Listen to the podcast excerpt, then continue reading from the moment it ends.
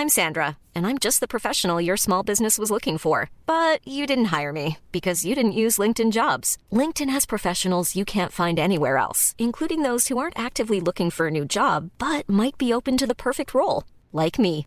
In a given month, over 70% of LinkedIn users don't visit other leading job sites. So if you're not looking on LinkedIn, you'll miss out on great candidates like Sandra. Start hiring professionals like a professional. Post your free job on linkedin.com/people today.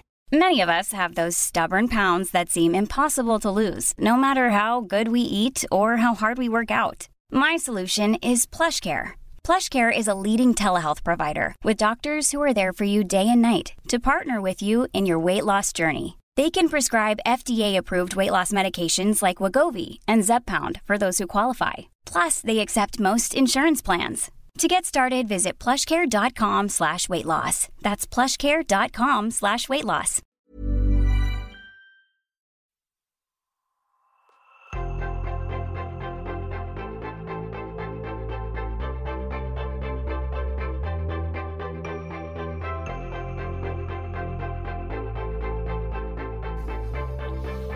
Hjärtligt välkommen hit Emma Svensson till min lunch.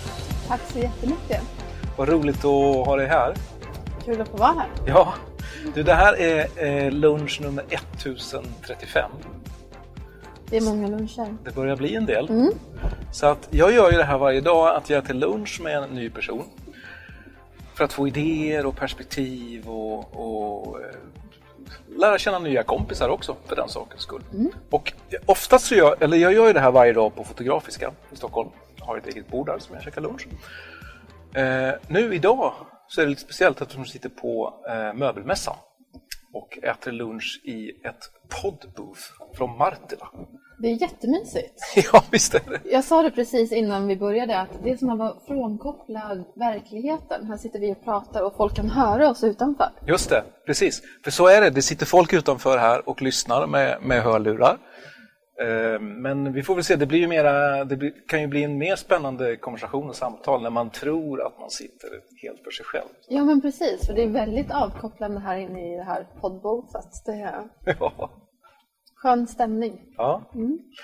Jag tänker så här, eftersom vi mm, sitter på möbelmässan så tänkte jag att vi kunde försöka prata om framtidens eh, arbetsplatser och möten, att försöka hålla det som någon slags tema i det vi pratar om. Eh, sen är det också så att de här luncherna som jag har pratar vi om en massa olika saker, massa olika ämnen och olika personer. Men det är samtidigt en och samma fråga som jag ständigt återkommer till, för jag tycker den är så intressant. Nämligen, varför gör du det du gör? Vad är det som driver dig i det du håller på med? Och vad kan jag liksom inspireras och lära mig av det? Så att jag tänkte att vi skulle prata om det. Men innan vi pratar om varför du gör det du gör så behöver du kanske berätta lite om vad är det du gör för någonting? Emma? Jag gör ju så otroligt många saker, vilket är jättespännande. Ehm, Jag är fotograf Ja. och entreprenör. Har massa olika projekt inom foto jag håller på med, och små företag och liknande. Ehm, Bland annat så fotograferar jag människor, brukar jag säga. Porträtt, mode, lifestyle och liknande. Driver ett produktionsbolag eh, som hjälper till med helhetslösningar inom foto. Men jag startade som fotograf som 19-åring och då grundade jag Rockfoto. Som, var en, som blev en agentur för konsertfotobilder kan man väl säga, som en slags bildbyrå. Just Finns det. kvar än idag även om jag inte är så aktiv där. Och du, du är ju så här, förlåt, men du är ju värsta lantisen. Ja. Precis som jag är. För att det visar sig att vi kommer ju nästan från samma ställe. Exakt. Du kommer från en liten ort som heter Frändefors. Frändefors. Mm. Jag kommer från en liten håla som heter Färgelanda. Exakt. Och det är bara typ Dalsland. två mil från varandra. Ja, så jag har ofta åkt förbi där. Ja. Ja. Yes. Nej men och sen så har jag ju blivit någon slags eh, bergsbestigare på de senaste åren också. Lite otippat. Ja. Ehm, jag satt på ett plan till Nya Zeeland och jag skulle göra en fotoresa där. Och såg filmen Everest och bara Oh my god, jag måste hålla på med det här. Jag måste bestiga Everest. Bara drabbades av en så här Och hade inte klättrat i berg eller så innan. Nej, jag hade släpat mig upp för Galdhöpiggen några år tidigare och det var det värsta jag någonsin hade gjort. Och efteråt så var jag så här, bara, jag ska aldrig mer bestiga ett berg i hela mitt liv. Och då är inte Galdhöpiggen speciellt högt, eller? Nej, 2400 någonting liksom. Sådär. Mm. Yes. Så det var lite otippat men det förändrade mitt liv att titta på den här filmen och bara drabbas av den här känslan av att jag måste hålla på med det. Och det var exakt så jag blev fotograf också. Att jag fotade en konsert och bara, jag måste hålla på med det här. Så två gånger i mitt liv har jag haft det där liksom överväldigande känslan av att jag måste bara göra det här. Men då skulle man kunna säga så här, eller min slutsats är att du är en väldigt passionsdriven person. Exakt, precis. Allt jag gör kommer från hjärtat. Drivs av passion och lust. Ehm, Det kanske inte är någonting man blir rik på i pengar, men i upplevelser. Och man har ett fantastiskt liv. Så jag bor ju i en van på deltid som jag kör runt med nere i Alperna för att bestiga berg och liknande. Kom precis hem nu för några dagar sedan. Varit där nere och tränat inför en expedition jag ska göra i Nepal i vår. Och sen så när jag är hemma här i Stockholm då jobbar jag eh, som fotograf och liksom driver mina projekt och liknande. Så man kan säga att du har, ehm, du har de här två benen idag, Mm. mm. de fotograferande och bergsbestigande. Exakt. Yes. Men, men, men hur var, på tal om, kanske lite grann på tal om arbetsplatser då, då liksom hur, för du har, ju, du har ju skapat din egen värld, Ja. eller hur? Ja, du har ju byggt precis. Mm. upp din egen liksom, både arbetsplats men sätt att, Ja. och din, din, där du på något sätt hör hemma och ska vara. Men hur, hur gör man det i en liten håla som Frändefors om man bestämmer sig för att man ska bli så här fotograf? Det är ganska svårt i en håla som Frändefors. ehm, utan det krävdes ju att man flyttade lite på sig för att bygga upp någonting. Så du bodde inte kvar där helt Nej, enkelt? precis. Utan jag gick i gymnasiet i Uddevalla, pluggade foto. Sen flyttade jag till Göteborg och sedan till Stockholm. För just det här när man är i den här startprocessen där man ska bygga upp någonting, då behövde jag vara på plats där branschen var. Så var det bara. Det fanns inga konserter i Frändefors överhuvudtaget. Och i Uddevalla så hade vi så här Backyard Babies en gång på Harrys och E-Type på Stadsfestivalen 1999. Men då var du där och fotade eller? Nej, det var innan jag Det hade var börjat fota. Men det liksom förklarar lite grann utbudet på vad det fanns för möjligheter i de här städerna där jag bodde. Mm. Så det krävdes ju att jag befann mig på en plats där det faktiskt fanns konserter att fota i början. Precis som att nu måste jag befinna mig på platser där det finns berg. Och här i Stockholm så finns det otroligt lite berg. Det är Hammarbybacken, 86 höjdmeter. Man kan- tröttnar man ganska snabbt på. man gör ju det. Och man behöver gå ganska många gånger upp och ner för att det ska bli bra träning. Så att det är därför jag numera bor på deltid i Alperna i min värld. Men hur... Du, du har aldrig varit eh, du har aldrig varit anställd då? Eller du har liksom, började du med detta redan från, från början så att säga? Bygga upp ditt eget universum? Jag började jobba när jag var 13 Ja. i en skivbutik på helger och lov, Ja. somrar. Och sen så jobbade jag på McDonalds från att jag var 16 tills att jag var 22. Så jag har liksom alltid jobbat i mitt liv och jag har varit anställd. Men på McDonalds så jobbade jag mindre och mindre ju mer jag fotograferade. Och sen en dag så sa jag upp mig för att satsa helt på att vara frilans liksom. Så att ehm, jag har varit frilans sedan jag var 22, så det är ganska länge nu. Vad, eh, vad var det som gjorde att du föll för fotografi tror du? Nu äter jag här. Ja, det är det som är, det får våra lyssnare stå ut med att vi faktiskt äter lunch också. Så att om, det, om det liksom sprakar lite så är det för att vi tuggar. Exakt. Vad var frågan nu igen? Jo, vad var det som gjorde att eh, du gick igång så på fotografi? Jag tror det är för att det är en konstform där du kan skapa din egen värld. Men du kan också dokumentera det som faktiskt sker runt omkring dig. Och det är en häftig grej att göra. Att som fotograf så kan du påverka andra människor. Och du kan få dem att se saker på annorlunda sätt. Man har en otrolig makt som fotograf på det sättet. Men jag redan från liten, alltså vid 11 års ålder hittade jag en filmkamera hemma i garderoben. Och bara så här, wow, vad är det här för någonting häftigt? Och började göra filmer. Och jag skulle bli regissör. Så var så jag liksom hamnade i Uddevalla och pluggade media på gymnasiet. förstår. Där jag upptäckte då stillbildsfoto också. Så plåtande och fotografering, det är, en, det är ett sätt att också skapa sin egen värld på något sätt. Eller så Absolut. man vill att den ska ta sig form på något sätt. Ja men verkligen. Ett sätt att uttrycka sig, ett sätt att liksom ja, men, inspirera andra. För det är någonting jag brinner för väldigt mycket. Jag skulle säga att det är mitt livsmål att inspirera andra. All right. Oavsett vad jag än gör för någonting så försöker jag alltid inkludera andra, hjälpa andra framåt och jobba på ett sätt som är väldigt öppet och inkluderande istället för det här att man ska hålla på sitt och inte dela med sig av sin kunskap som var väldigt vanligt förr i fotobranschen i alla fall.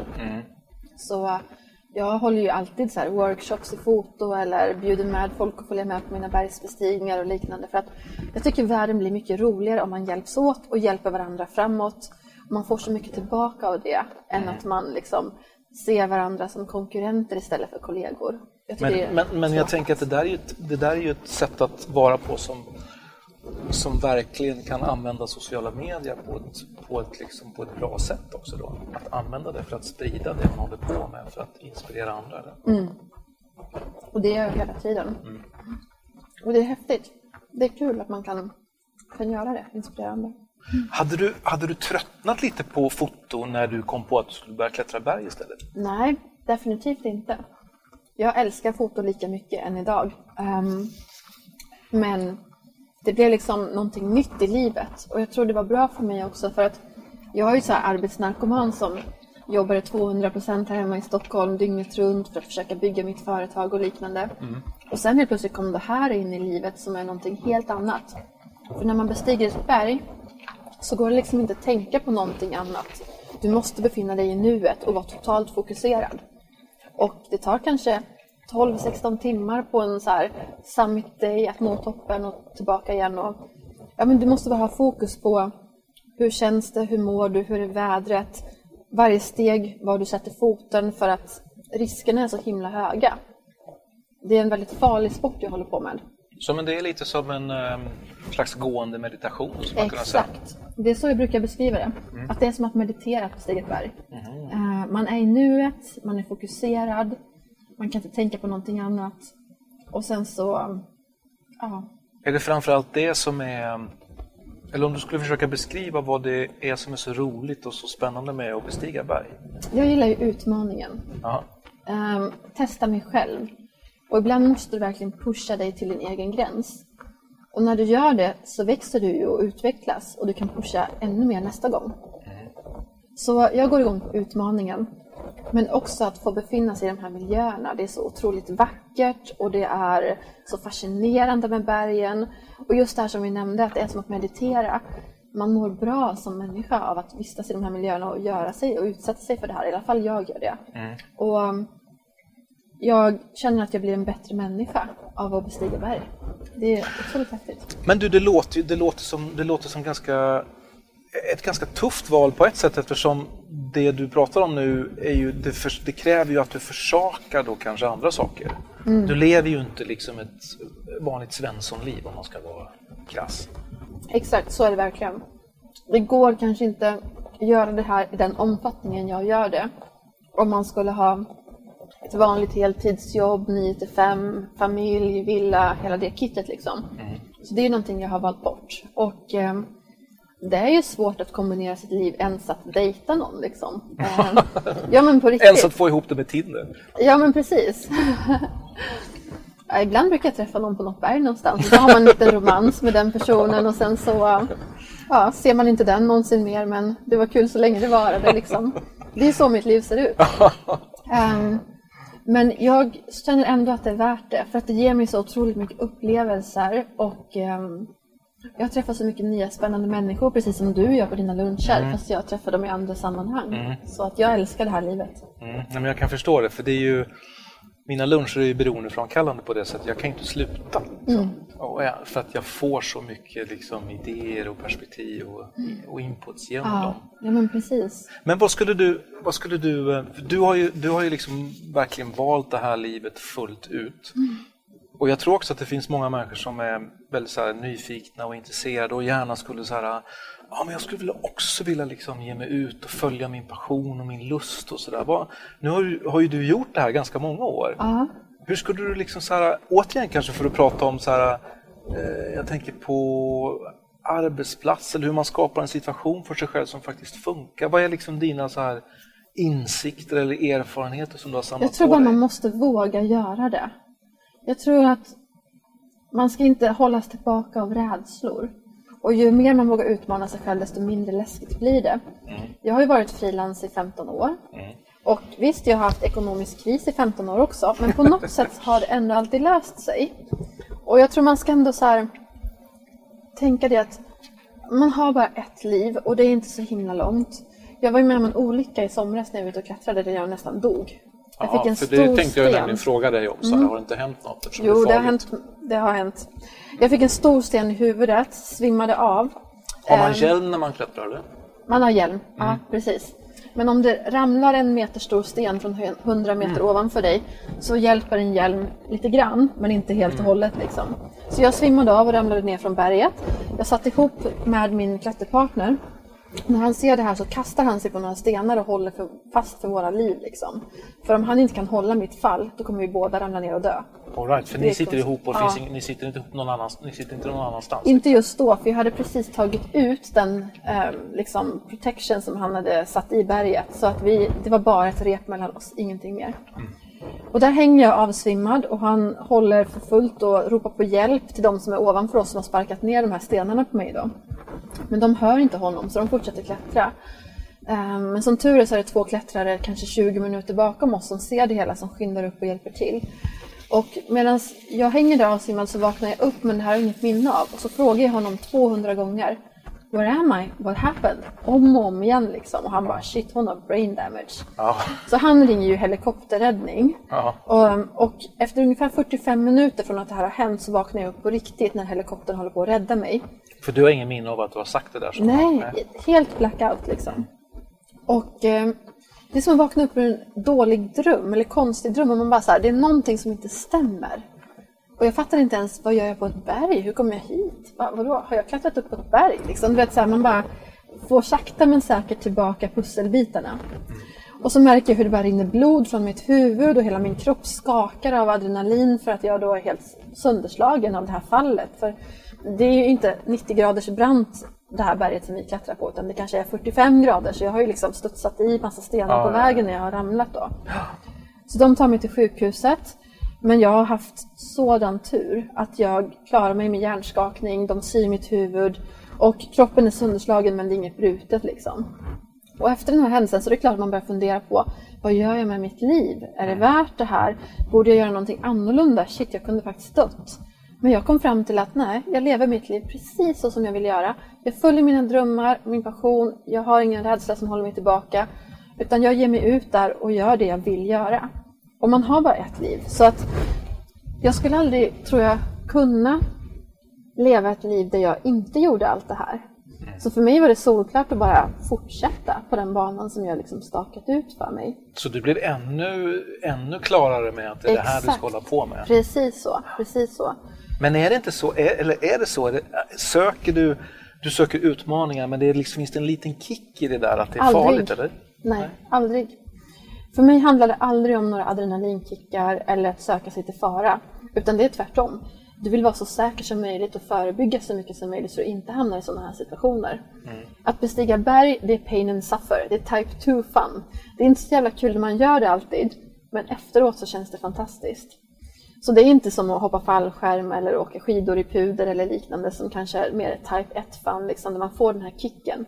Delar man in det så, det visste inte jag, men man delar in det så. precis. Så type 1, det, det är liksom saker som är kul när du gör det. All right. Type 2, då är det kul efter du har gjort det. Och type 3, då var det aldrig roligt. Eller något sånt där. Jag vet Så inte. det ska man, in, det ska man inte göra. Liksom. Nej, men precis. Sen finns det också en sån här type 4, då är det så här, det är kul för dig men inte kul för någon annan. All right. Det är den absolut värsta. Exakt, precis. Men, men kan du aldrig, jag, jag tänker så här, nu, du bygger upp din egen värld, du följer dina drömmar, du följer din Yes. passion, vilket jag tror många människor är ganska så här nyfikna och av, avundsjuka på. Eh, men du är också ganska mycket ensam. Eller? Ja, både och skulle jag säga. Jag tycker ju om att vara själv emellanåt. Jaha. För att jag ofta är med väldigt många andra personer. När du är ute och klättrar så är du med en klätterpartner. Du träffar andra i en mountain hut. När du fotograferar så jobbar du alltid i team i stort sett. Eller så fotograferar du någon. Jag har ett team här i Stockholm med ett par anställda. Så det känns nästan som att jag alltid är omgiven av folk. Och ibland kan det vara någon man träffar bara den stunden, den dagen. Precis som för dig på dina luncher. Ja. Och det kan vara otroligt givande. Och ibland är det någon man hänger med ofta, nästan varje dag i ett års tid. Ja. Som man har ett långsiktigt samarbete med och det funkar jättebra. Som min klätterpartner exempelvis. Ja. Vi måste stå ut med varandra även när det inte är så roligt och när vi är i en snöstorm och när vi inte mår bra på berg och liksom Ja. hela den grejen. Men ni gillar varandra? Exakt, precis. Så jag skulle säga att Det är ganska få tillfällen som jag faktiskt är ensam och jag tror jag har ett behov av att faktiskt ta tillvara på de tillfällena. Mm.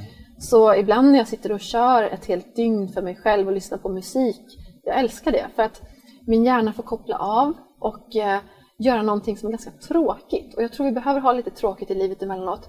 För jag märker alltid det att om jag kör hem min van från Alperna, vilket tar tre dagar, mm. eller om jag vandrar in till basecamp och det tar tre, fyra dagar, och man är så här monotont gör någonting som är ganska tråkigt, jag blir så himla kreativ.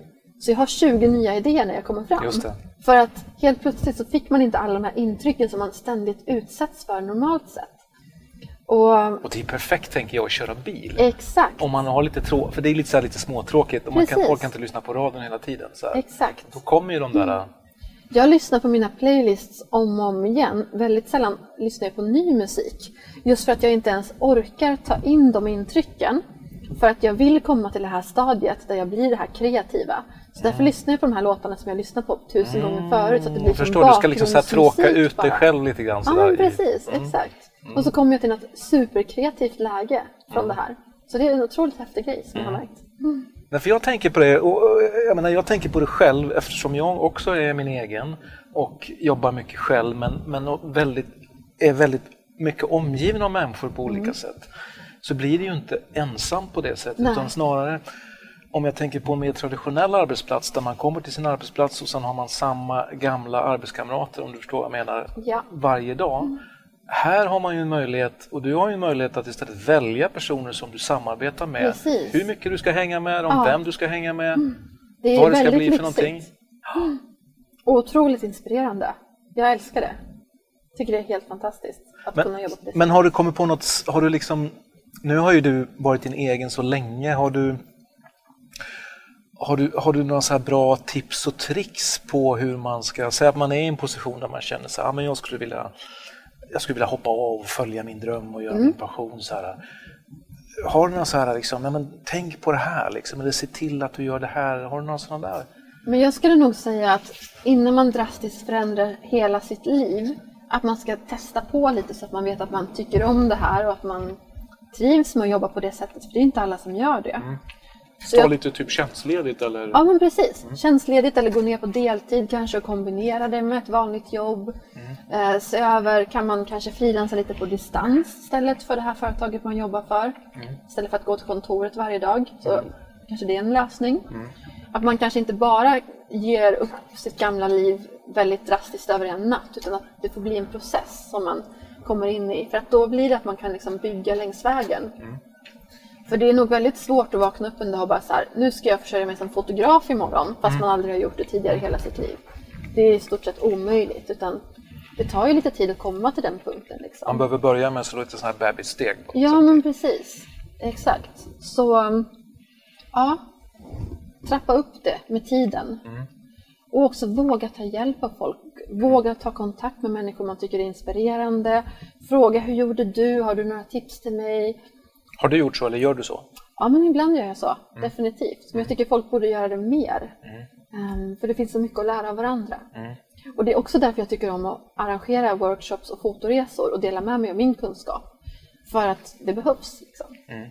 Och det utbytet man får, inte bara av kursledaren utan också av varandra, är otroligt värdefullt. Mm. Att ha en coach är ju någonting som är helt fantastiskt. Jag har en coach inom min träning nu för klättringen. För att nå Ja, men för att kunna träna på rätt sätt för att nå mina mål inom klättringen.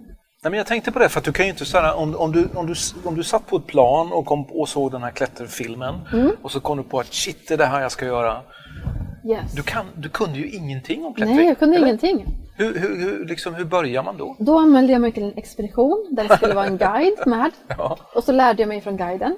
Sen gick jag en kurs i alpinism så att jag fick lära mig liksom ja, men hur går man säkert på en glaciär och hur gör man de här knoparna man behöver kunna och sätter upp tältet och kampar på vintern och ja, men massa sådana saker. Stegjärnsteknik och om du halkar och ramlar så kan du rädda dig genom att göra self-arrest som är att om man tar sin isyxa och kör ner i snön. Liksom. Man tränar på det, ramlar ner från ett berg flera gånger och liksom försöker stoppa sig. Då. Hjälper dock inte när det kommer en sten från 100 meter. Nej, men, precis, det gör men, ju ja, inte det. Mm.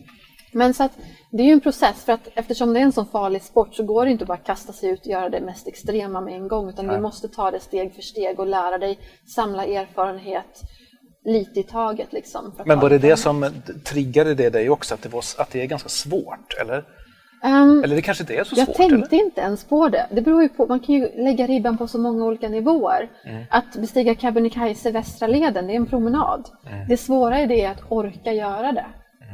För att det är utmattande. Mm. Det är inte tekniskt svårt, det är ingen klättring eller liknande. Du behöver ingen utrustning mer än ett par skor som är bekväma att gå i och kläder som inte är tillräckligt, kall, äh, som är tillräckligt varma. Mm. Ehm, så att man kan ju ge sig på olika utmaningar som är olika svåra. Men du, du har ju ändå inte, för att ändå vara nybörjare i bergsklättring som Ja. du ändå var, så har du ju ändå lagt ribban ganska högt. Väldigt För du högt. har ju så här, du får berätta du, men du har ju bestigit hur många toppar under ett, Ja. en viss period? Va? Nej, men det började ju med att jag liksom gjorde någon expedition och testade på och kände att det här var ju skitkul.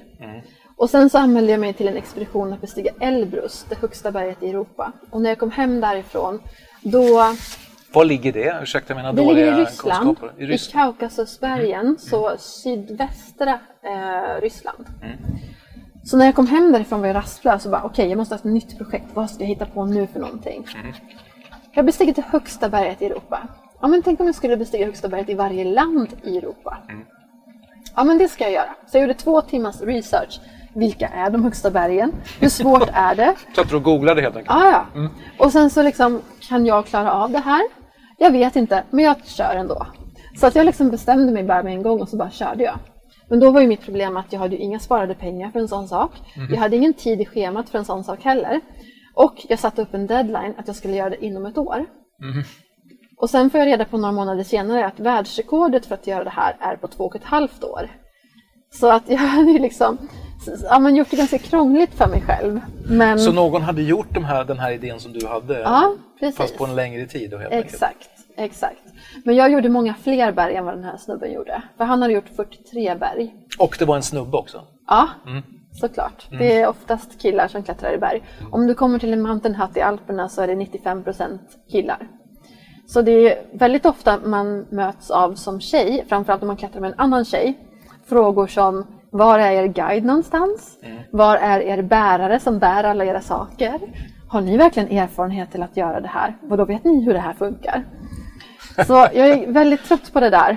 Men något som du kanske också utmanas av att liksom ifrågasätta då? antar jag. Exakt. Jag är ju inte rädd för att, för att utmana liksom, ja, men, gamla strukturer och liknande, utan jag tycker ju om att eh, utmana dem. Men skulle man kunna säga då att du är, du är då världsmästare i att klättra i berg då? Så här, jag brukar säga så här, att jag slog hans världsrekord ganska rejält. Ja. Men sen har inte jag orkat registrera det hos Guinness för att det är för mycket pappersarbete. Jag ville vidare till nästa projekt. Jag gjorde inte det här för att slå något världsrekord, för jag visste inte ens om att det fanns ett världsrekord. Nej. Utan jag gjorde det här för min skull.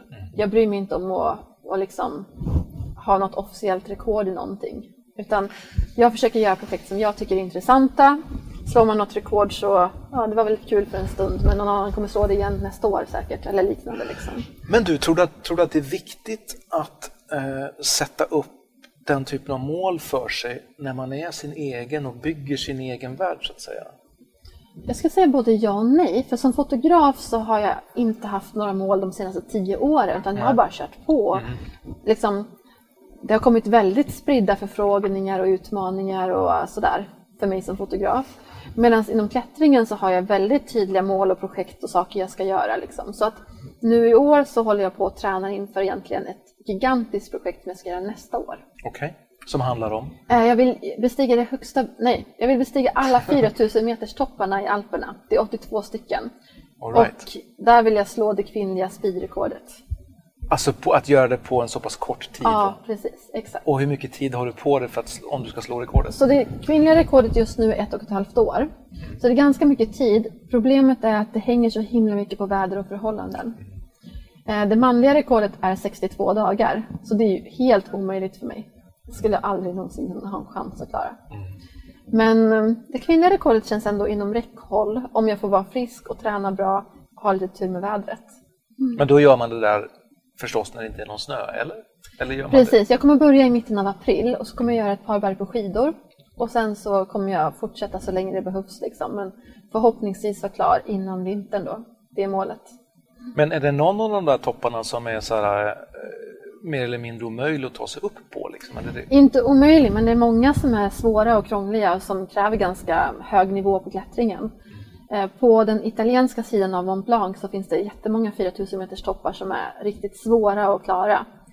Ehm, det är inte ens så att folk brukar bestiga dem med guide speciellt ofta utan det är bara så här proffsklättrare som klättrar dem.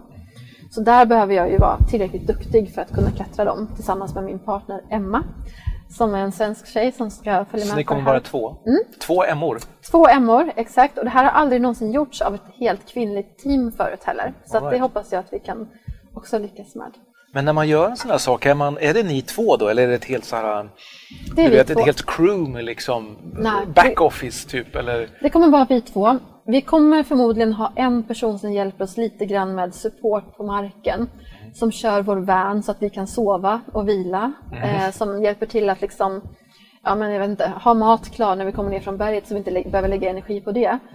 För att klättra 82 stycken 4000 meters berg Egentligen så vill du klättra i alla fall ett om dagen. Det är otroligt, otroligt utmattande. Du kommer bli så sliten och trött och förstörd liksom. Så att du, du behöver lite marksupport för att kunna vila så mycket som möjligt så fort du kommer ner från berget tror jag. Men ingen annan kommer följa med oss under berget. Vi kommer inte ha några guider, vi kommer liksom inte klättra med någon. Utan vi kommer klättra själva. Vi kommer inte ta några liftar eller något sånt liksom, utan vi kommer Men du, eh, om, så här, om man, nu, nu, om man nu följer sitt hjärta, sin lust, sin passion, man bygger upp sin egen värld. eh, Alltså, finns det några pengar i det här som min pappa säkert skulle fråga? Jag för- hur liksom, vad lever du på? Jag försörjer mig på fotojobb framför allt. Eh, Men sen är jag ju entreprenör så jag tänker ju hela tiden, finns det något sätt jag kan göra det här och det kanske kan bli en del av min inkomst och så vidare. Så jag, eh, ja men som sagt, arrangerar ju resor, eh, både fotoresor och bergsbestigningsresor. Jag föreläser, håller workshops i foto, coachar fotografer. Jag har lite sponsorer, jobbar lite som influencer, det vill säga att jag gör, skapar content och publicerar på mina sociala medier och sådär. Så att man gör lite av varje. Så det är många små eller Ja, många, många precis. intäktsströmmar helt enkelt. Exakt. Och jag försöker hela tiden komma på saker som gör att jag kan jobba var som helst i världen. Så att jag inte fysiskt måste vara på en viss plats. För när jag gör fotojobb eller föreläsningar då måste jag ju fysiskt vara på en viss plats. Vad kan jag göra som gör att jag tjänar pengar men att jag kan befinna mig i min van och åka runt i Alperna och klättra i berg på dagarna och jobba på kvällarna? Men du, eh, känner du, blir du stressad av det här ibland? För att om man, om man tänker sig om jag är anställd, går till min vanliga arbetsplats, då finns ju trygghet i det såklart. Jag Exakt. får min lön varje, i slutet av månaden och så vidare. Stressar du mycket över att tjäna ihop Jag pengar? kunde göra det förr i tiden när jag var yngre. Men nu så gör jag inte det. För att även om jag inte ja, men liksom vet om att den här månaden så behöver jag dra in 100 000 till för att det bara ska gå plus minus noll. Jag orkar inte vara stressad längre. det är liksom, För att det löser sig, eller vadå? på något sätt så löser det sig alltid. Ja men då kanske det var att, ja nej vi gick minus 50 000. Ja men då kanske jag inte tar ut någon lön den här månaden och så får jag leva på lite eh, reseersättning eller kvittoutlägg eller någonting. Och så får jag ta ut lön nästa månad istället. Så jag har ju aldrig varit rik liksom i pengar. Nej. Eh, Jag har aldrig haft några pengar på banken, jag kommer inte från en rik familj eller något sånt där. Så att det här är ju någonting jag har levt med hela mitt liv, en ekonomisk kris i stort sett. Och ibland är den värre och ibland är den lite mindre. Liksom. Men på något sätt så löser det sig alltid ändå. Eh, Och Och så finns det ju, jag vet ju, jag vet ju själv, för jag, jag frågar ju dig för att jag är nyfiken också, för jag brottas ju med samma saker också. Ja. Så här. Men eh, såklart, som alla människor gör, att få in pengar på något sätt. Men jag brukar också tänka så här att så länge man håller kostnaderna nere och så låga som möjligt så löser det ju sig. ja, absolut. Nu skrattar jag lite när du säger det. För att, För att du inte gör det eller? för att det är ganska dyrt att göra expeditioner. Ja. Det är extremt dyrt med vissa expeditioner. Så att, eh, Och det kräver någon svårt. slags investering innan man ens... Exakt. Mm. Men jag har ju alltid jobbat så att jag har investerat min tid, min passion, mina idéer i någonting. Och förhoppningsvis så leder det till andra möjligheter som ger betalt sen. Och det har faktiskt funkat. Jag är ju en sån person som aldrig säljer utan jag försöker skapa PR och göra intressanta grejer som syns och uppmärksammas istället. Och så kommer folk till mig med erbjudanden. Det är mycket behändigare, eller hur? Ja, det är mycket roligare att jobba på det sättet såklart. Men man vet ju aldrig om det är någon som, som hör av sig. Det är, det. det är svårt att planera. Men jag försöker att jobba med lite långsiktiga sponsorer och samarbetspartners nu för att veta att så här, ja, men nu kommer jag dra in så här mycket det här året på de här samarbetena och då kommer det räcka till tre expeditioner som jag kan göra. Eller liknande. Men, men hur gör du när du jobbar då? För att eh, det här med, du åker, du åker runt i din van Ja, ja. och du har en lägenhet, eller en del av en lägenhet i Stockholm. Exakt. Men är, om du tänker så här, återigen då för att eh, kanske så här, eh, komma tillbaka till arbetsplatsen och hur man... Hur sit, vad, vad, vad gör du när du jobbar? Alltså om du nu behöver göra, har du så någon favoritspot liksom, eller hur tänker du där? Alltså, man parkerar ju vanen någonstans och sen Ja. så är det ju bara att sätta sig i soffan och jobba. Det är inte svårare än än så. Det är det som är att vara digital nomad, som det är så Exakt, poppis nu heter. Mm. Precis. Men sen tycker jag ju också om att gå till något café eller någon hotellobby, att sätta mig där. Jag tar ju med datorn till Basecamp.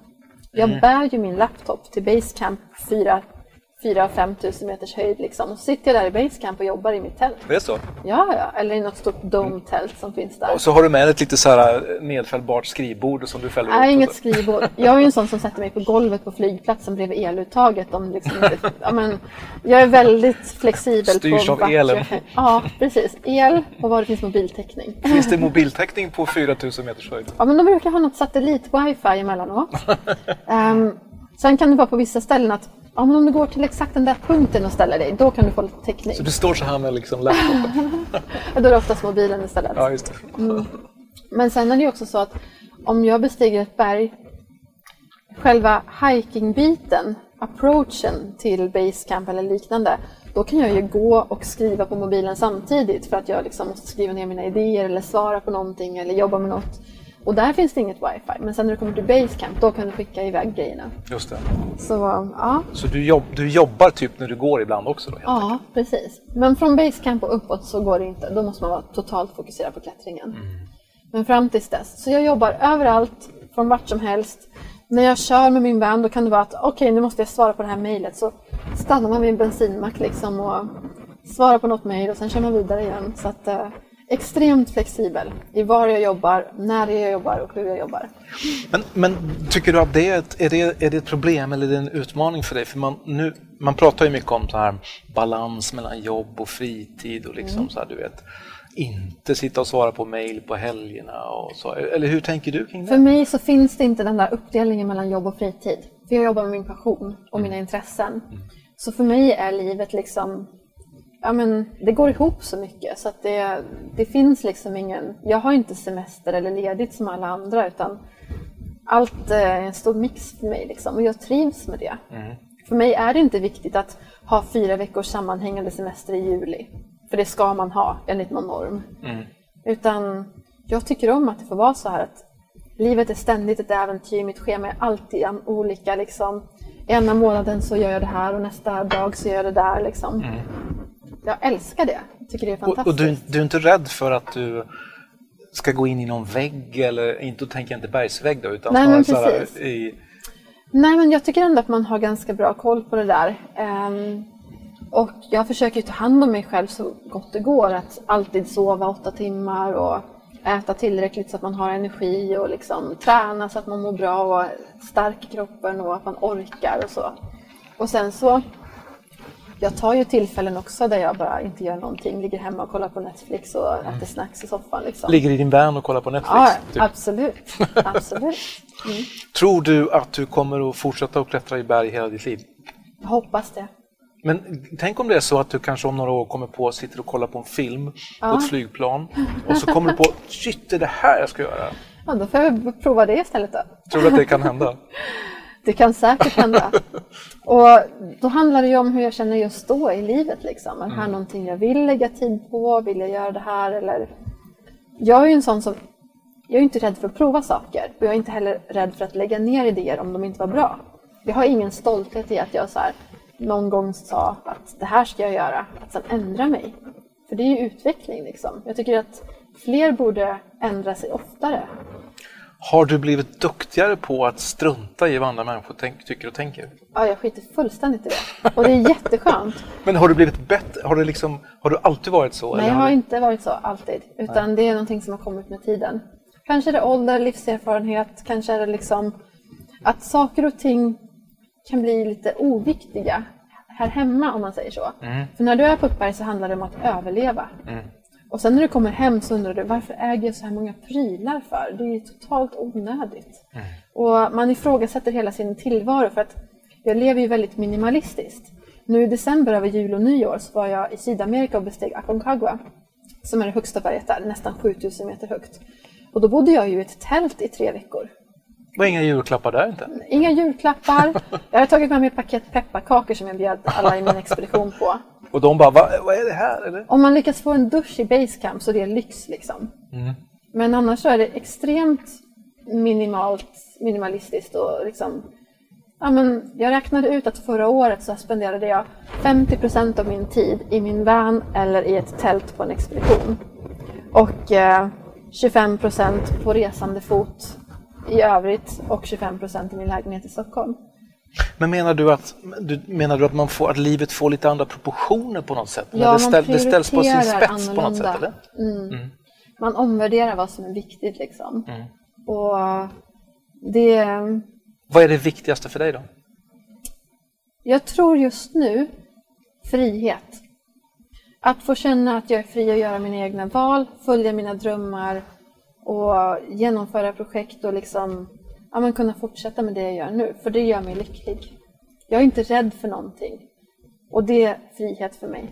Och det är skönt. Och nu är du precis eh, på väg att komma ut med en bok, vet jag. Exakt, Mm. precis. Den Passa släpps- på lite nu och prata om den också. Ja, men den släpps om, om två dagar. Ja. Den heter Honeymoon, Hejdå och bergen som väntar. Okej. För det hände ju en sak i mitt liv. Ehm, För fyra år sedan så gifte jag mig. Och sen blev jag ju dumpad sex veckor efter bröllopet. Just Och det. det här var ju samma veva som jag precis hade sett den här filmen Everest och känt att jag måste hålla på med det här. Så den börjar så med bröllopet och sen så fortsätter den och så får man följa mig på min resa i livet och äventyren och allt från Tinder-dejter på bergen till liksom slå världsrekord och sådär. Så att eh, ja, det ska bli jättespännande.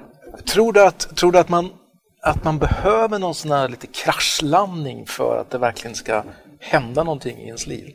Ibland så tror jag att det kan vara en bra sak faktiskt. För för mig så var det det bästa som någonsin kunde hända, men jag visste inte det då. Nej. Och jag tror att ibland så är man nog mer rädd av tanken på förändring än själva förändringen. Tack för att du kom hit, Emma. Tack så jättemycket för att jag fick komma. Hoppas maten smakade bra. Det var jättegott.